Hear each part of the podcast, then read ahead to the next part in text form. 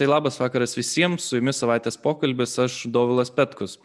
COVID-19 pandemija baigėsi Norvegijoje, bent jau tokiamis antraštėmis pasidabino Lietuvos portalai, kuriuose rašoma apie tai, kad Norvegijoje gyvenantis lietuviai, o ypač atvykėliai, yra šokiruoti dabartinės Norvegijos politikos, kadangi ten nebėra jokių ribojimų, kuriuos mes taip dažnai sutinkam kitose Europos šalise, taip pat ir Lietuvoje. Šiandien apie tai, ar tikrai ta pandemija baigėsi Norvegijoje ir apie pandemijos valdymo politikos skirtumus Lietuvoje ir šioje Skandinavijos šalyje kalbam su e, gydytoja, kardiologė, vidaus lygų e, gydytoja, sveikatos teisės instituto ekspertė gyvenančia Osle, ponė Loreta Strom. Loreta, sveiki. Labas vakaras.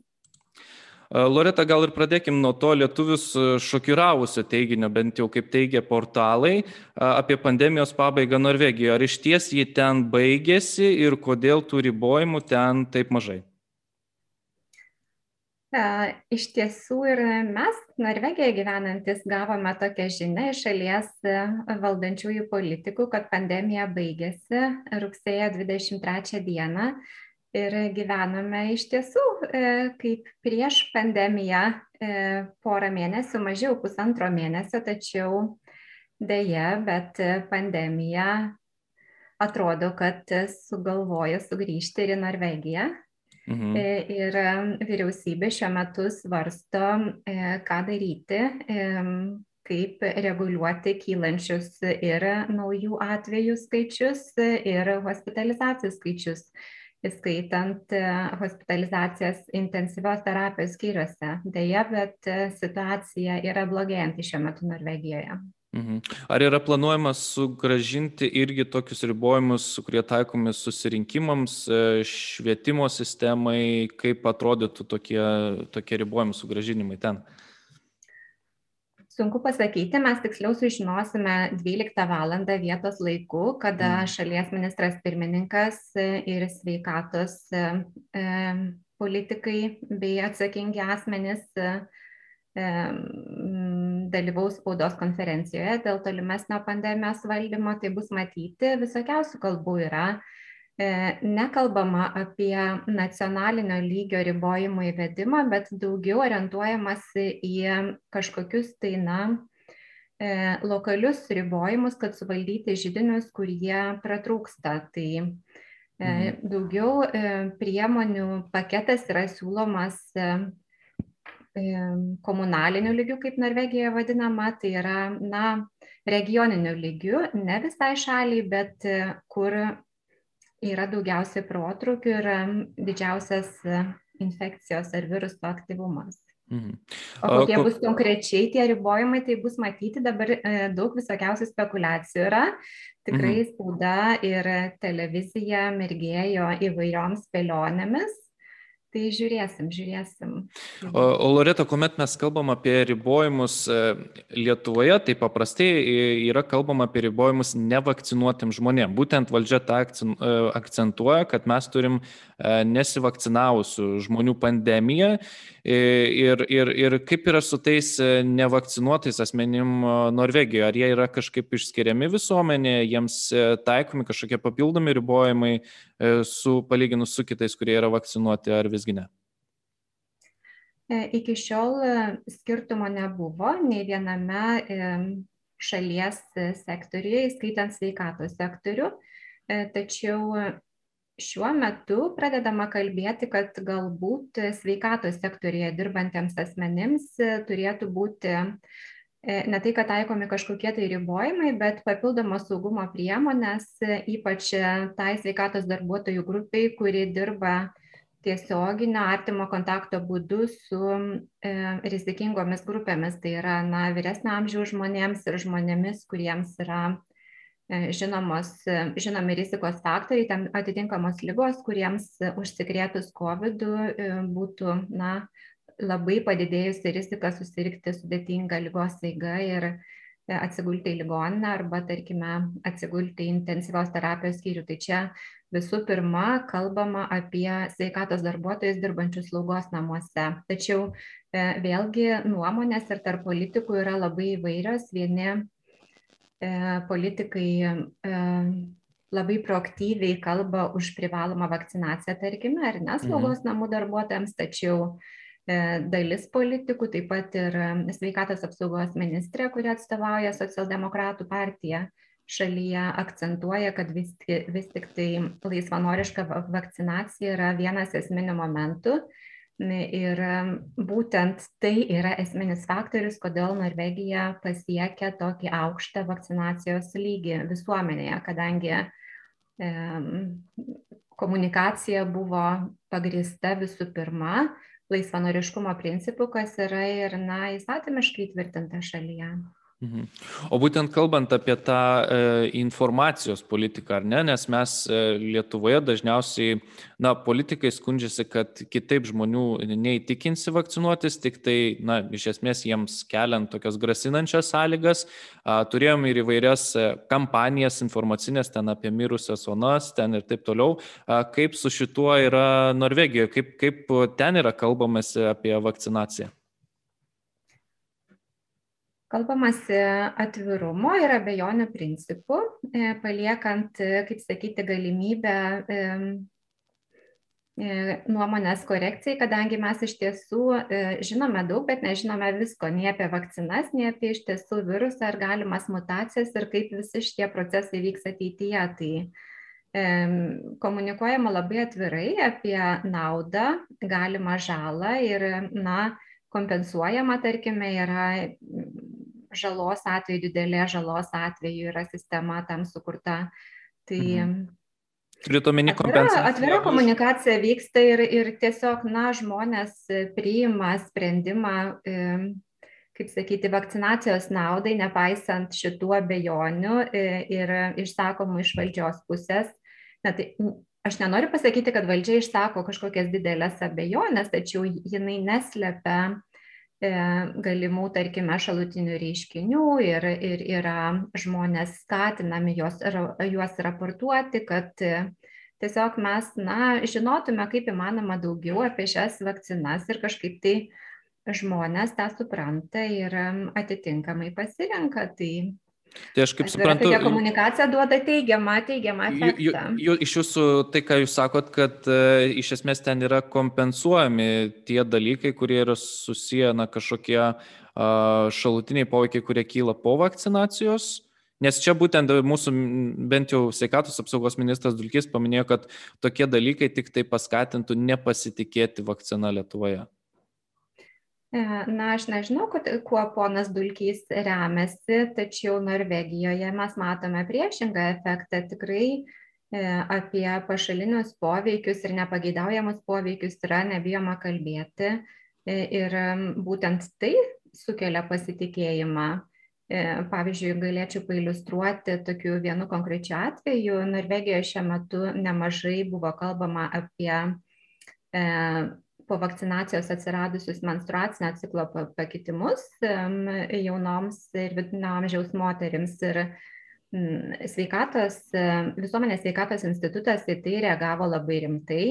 Ir šiuo metu yra atliekama didžiulė studija, kad išsiaiškinti šitą reiškinį. Apie tai buvo kalbama spaudoje, moteris buvo raginamos raportuoti šituos dalykus ir, na, E, kažkaip tai rimtai tai yra žiūrima ir nepaisant to, buvo labai toksai, na, įdomus interviu vakar pagrindinių žinių metu, kuomet viena moteris, kuriai atsirado šitie menstruacinio ciklo sutrikimai, mhm. E, gana ryškus, jinai, na, jos paklausė, ar jūs vakcinuositės trečią dozę, kadangi jinai priklauso tai grupiai, kuriai šiuo metu yra siūloma trečia dozė ir jinai sako, na turbūt taip kadangi aš sveriu naudą ir riziką ir renkuosi tarp dviejų blogybių kaip jinai pasakė ir vis tik tai jos pasirinkimas bus vakcinuotis trečia doze nepaisant to kad jai e, atsirado tokie gana rimti sveikatos sutrikimai po antros dozės vakcinacijos. Tai čia kažkaip tai nematoma kažkokio tai baubo šituose pašaliniuose ir nepageidaujamuose reiškiniuose Ir kadangi jo nematoma, tai nėra kažkokio tai demonizavimo nei vienoje, nei kitoje pusėje. Ir, na, žmonės tikrai labai adekvačiai pasirenka. Mhm. O kalbant būtent apie demonizavimą vienos ir kitos pusės, a, Lietuvoje tai tuo klausimu mes matom totalų susiskaldimą ir tenka girdėti apie tai, kaip, tarkim, darbuose vieni kolegos, kurie yra vakcinuoti ar ne, tiem nevakcinuotėm žmonėms sako, kad štai mes tai rizikavom, o jūs neprisimat tos rizikos ir dabar platinat lygas. E, kaip, kaip, yra su, kaip yra apskritai Norvegijoje tie santykiai tarp vakcinuotų, nevakcinuotų žmonių ir kaip yra su to lygos plitimu bei būtent po vakcinacijos? Mhm. E, tai nepaisant tikrai aukšto vakcinacijos procento šiuo metu Norvegijoje, tarp saugusių žmonių jisai siekia e, arti 90 procentų, E, pilnos vakcinacijos ir čia vakcinuojama yra tik tai e, Pfizer ir Moderna vakcinomis. Nepaisant tokios aukštos vakcinacijos, e, Norvegijoje virusas vis tiek smarkiai plinta ir tarp vakcinuotų, ir tarp nevakcinuotų, tačiau jeigu pasižiūrėsime santykį ar ne, bent jau pagal, na, pagal hospitalizacijų skaičius, tai santykinai vis viena tas plitimas yra didesnis tarp nevakcinuotų. E, šiuo metu. Tačiau tas santykio, kaip sakyti, pasiskirstimas, jisai e, linksta vakcinuotojų pusėn šiuo metu, kadangi vakcinos efektas, kaip žinia, labai ryškiai sumažėja po keturių na, šešių mėnesių įvairiai čia kalbama, bet iš esmės po pusmečio tikrai krenta labai labai ryškiai. Ir dėl to tas, na, viruso plitimas ir tarp vakcinuotų šiuo metu Norvegijoje yra tikrai labai ryškus, dėl ko vyriausybė pasiūlė tą vadinamą boosterio dozę rizikos grupėse esantiems žmonėms. Ir dabar jau vyresniems žmonėms, 65 metų amžiaus ar vyresniems ir dabar jau pradedama kalbėti apie būsterio tą dozę ir jaunesnėms amžiaus grupėms su tam tikrais susirgymais, na, kuriems yra rizika užsikrėtus susirgti tikrai didelė. Tai, mhm. Tai, tai tokia dabar yra situacija Norvegijoje. O kas liečia susipriešinimą, tai iki šiol jo nebuvo. E, tačiau dėja, bet turiu pastebėti, kad e, atsiranda tam tikro lygio, ne tai, kad susipriešinimas, bet, na, gal neigiamas požiūris, e, kadangi labai daug apie tai pradedama kalbėti spaudoje.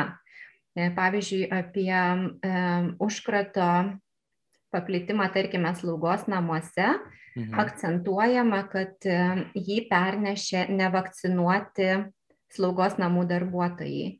E, nepaisant to, kad e, tikrai yra spaudoje buvę atvejų, aprašyta atvejų, kuomet e, užkratą pernešė ir vakcinuoti darbuotojai. Tai tam tikro, kaip sakyti, neobjektivumo ir politizavimo dėja, bet pastebiu ir Norvegijoje šiuo metu. O e, žiūrėkit, kalbant apie vakcinas ir vienas naujausių žinių dėl, dėl šių dalykų, ten kalbama apie trečią dozę, tačiau taip pat yra kalbama apie vaikų vakcinaciją. Ir aš e, pacituosiu JAV prezidentą Joe Bideną, kuris sakė, pagaliau visi tėvai, kurie nerimavo, jog jų vaikai susirgs COVID-19, nuo šiol galės ramiau atsikvėpti ir apsaugoti savo vaikus. Jūs, kiek žinau, turit gana šiek tiek skeptišką nuomonę dėl vaikų skiepijimo, kokia yra šito skeptiškumo paslaptis. E, mano paslaptis skeptiškumo yra, na, ne paslaptis iš tiesų. Aš nebijau išreikšti ir išreiškiu savo skepsį vaikų skiepimo atžvilgiu, todėl kad e, rimtos lygos eigos rizika tarp sveikų vaikų, pabrėžiu sveikų vaikų, ar ne, mhm. yra tikrai, na, minimali, jinai nesiekia 0,05 nuošimčio ar dar mažiau, tai e, tikrai yra labai maža. Dauguma vaikų praserga lengvai arba be jokių simptomų, arba su labai lengvais simptomais ir įgyja platų imunitetą.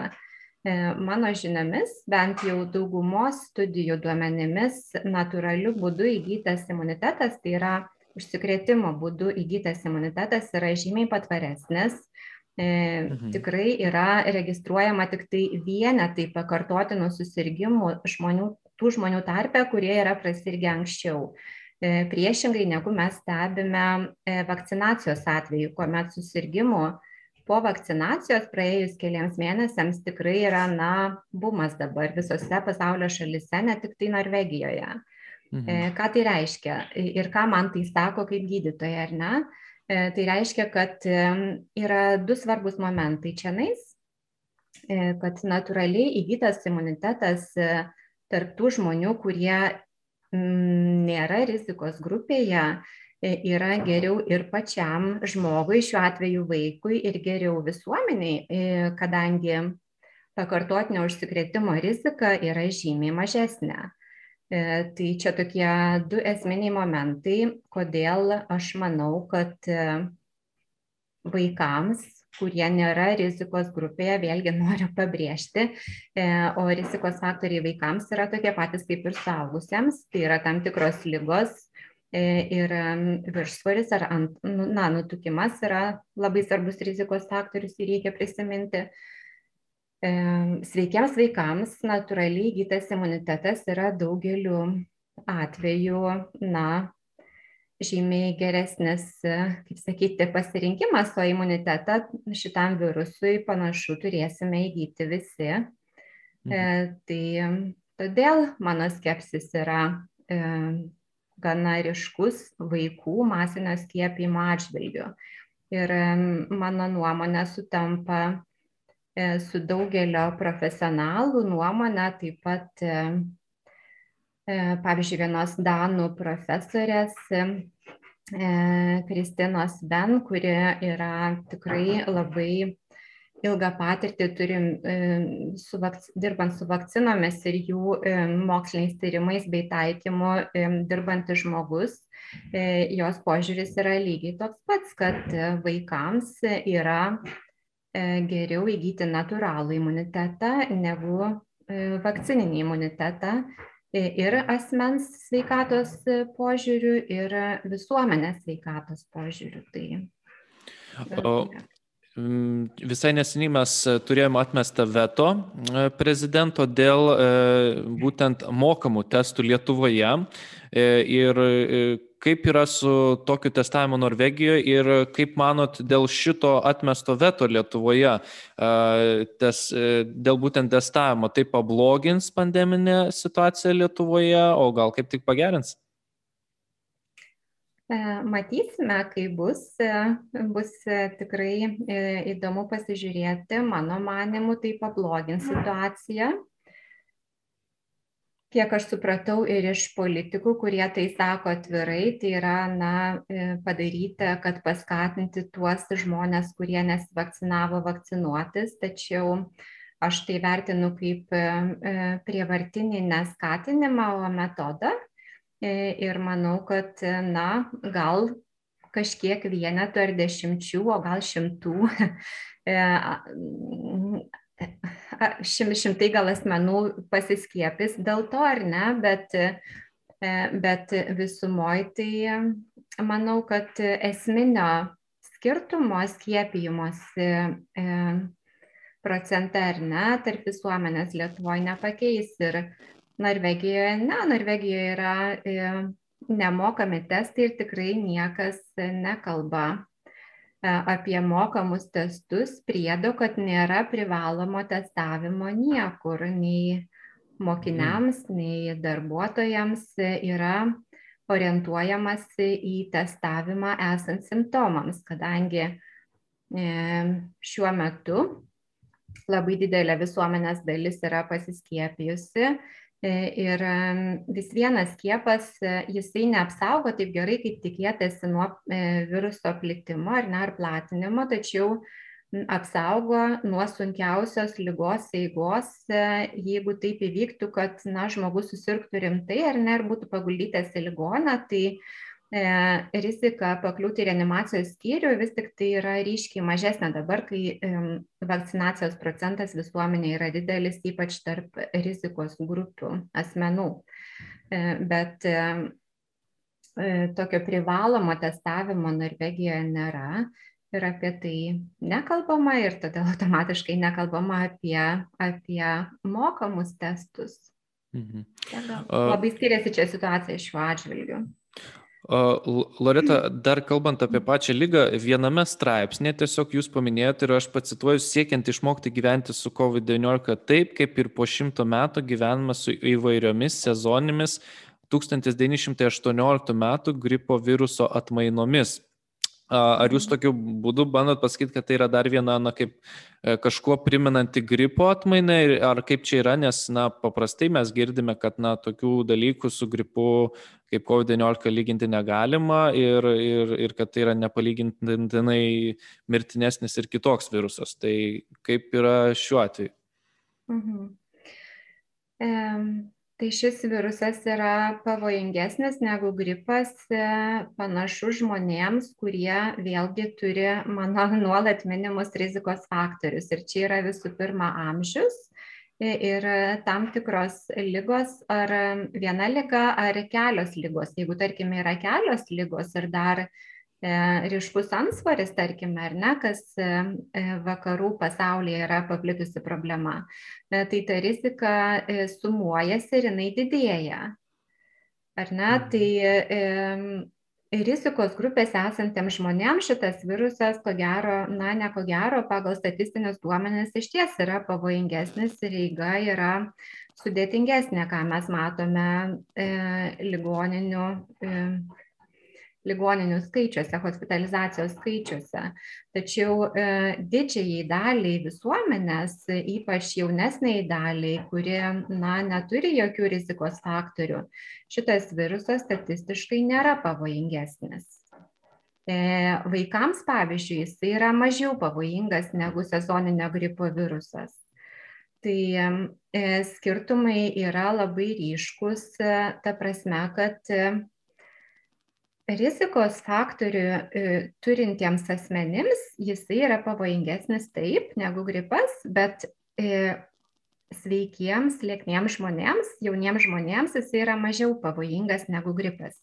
Ir kažkaip tai, na, anksčiau nebuvo kalbama, kad visos virusinės infekcijos tam tikrais atvejais gali baigtis, kaip sakyti, labai sudėtingai ir sveikiems žmonėms. Aš tikrai savo klinikinėje praktikoje esu mačiusi tokių dalykų, e, ne vien tik tai keulių gripo epidemijos atvejais, bet ir sezoninio gripo atvejais tikrai taip būna, tačiau apie tai nebuvo kalbama ir nebuvo taip intensyviai komunikuojama, kaip yra komunikuojama dabar.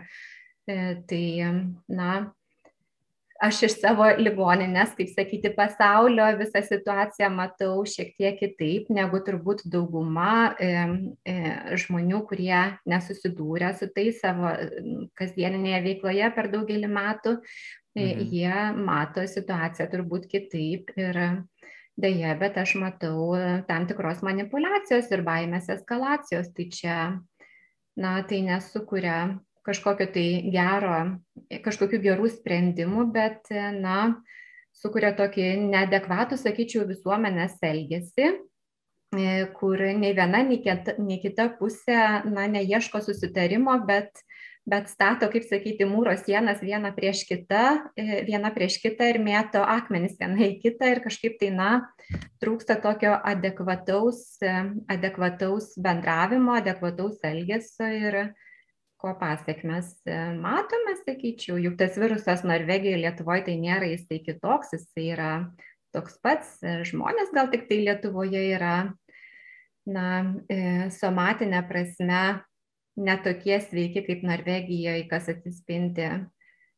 vidutiniam gyvenimo amžiuje ir lygų, kaip sakyti, pasiskirstime, bet net nežinau, čia tiek daug reikia kalbėti, kad, žodžiu, mhm. sunku, sunku išsemti šitą temą, bet visumoje tai, na, e, yra kaip mes gyvename situaciją su šituo virusu visame pasaulyje, ar ne? Ir e, kažkaip, kai pasižiūri, kaip jisai yra valdomas įvairiose pasaulio šalise, ar ne, tai e, man toks įspūdis, kad tose šalise, kur yra E, pripažįstama to viruso, kaip sakyti, e, pavojingumas ar ne, e, pripažįstama, kad vakcinos gali sukelti tam tikrus pašalinius reiškinius ar ne. Mhm. Ir komunikuojama atvirai, kad kažkaip tose šalyse tas viruso suvaldymas yra na, geresnis negu tenai, kur taikomos griežtos labai priemonės ir visuomenė priešinamas, kleidžiant baimę ar kažkokį tai, na, naudojant kažkokius mobbingo metodus komunikacijoje. Tai nežinau, kodėl nenorima žiūrėti į Lietuvoje į tą šalis, kur, kaip sakant, bendravimas vyksta ramiau ir atviriau, o daugiau žiūrima tenais, kur taikomos griežtos priemonės ir tos šalis kažkaip imamos už pavyzdį. Tai man čia paslaptis tokia yra, aš ne, neturiu paaiškinimo, kodėl mhm. taip yra. Loreta, dar e, viena iš tokių paskutinių naujienų buvo apie tai, kad e, pasirodė naujosios kaip ir Pfizer tabletės, kurios bus geriamos ar ne, e, kad nebebus vakcinų pagrindų ir tai yra, na taip, sakoma, kad čia bus tokia revoliucija, kuri galbūt jau užbaigs šitą lygą, išeisim iš pandemijos. Galbūt jūs turit kažkokį komentarą apie tai, nes žmonės kalba, domisi, kaip, kaip tai pakeis pandemijos eigą. Mhm.